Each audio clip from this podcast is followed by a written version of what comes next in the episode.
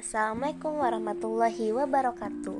Saya Najwa Putri Andita dari kelas 10 Ingin bercerita tentang sejarah kurban.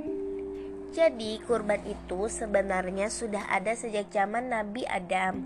Tapi sejarah kurban yang paling terkenal itu ada pada zaman Nabi Ibrahim.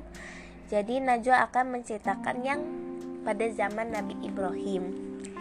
Jadi awalnya itu uh, Nabi Ibrahim itu saat dia kan gak punya anak nih. Jadi saat punya anak dia tuh pernah apa sih namanya pernah bersumpah gitu atau berjanji lah uh, bahasanya mah kalau dia tuh bakal menyembelih anaknya gitu.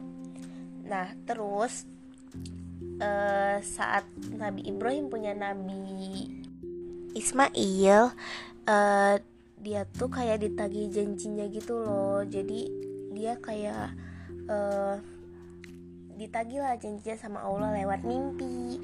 Jadi si Ibrahim tuh bilang e, anakku aku disuruh nyembelih kamu.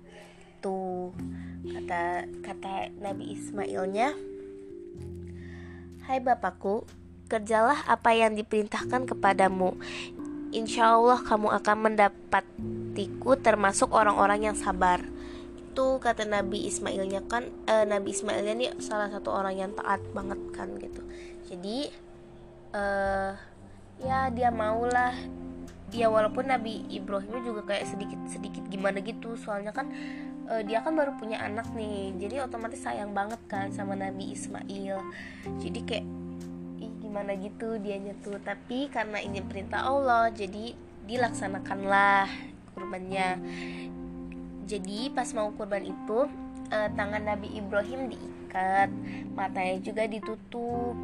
Terus eh, kan Nabi eh iya Nabi Ismail. Ya aku aku ngomongnya Nabi eh, ya udah pokoknya gitu. Nah terus eh, habis itu Nabi Ibrahim nih bawa golok gitu. Terus uh, dia kan kayak baca-baca gitu kan baca-baca. Habis itu setelah dia kayak gitu uh, dia ini nih udah ditancepin di urat nadi lehernya gitu urat nadi leher Nabi Ismail. Tapi Allah Allah kan maha kuasa ya. Jadi Aisin Nabi Ismail ini tuh diganti dari uh, sama kambing dari surga. Nah, jadilah Nabi Ismail tidak dikurbankan, tapi kambing yang dikurbankan gitu.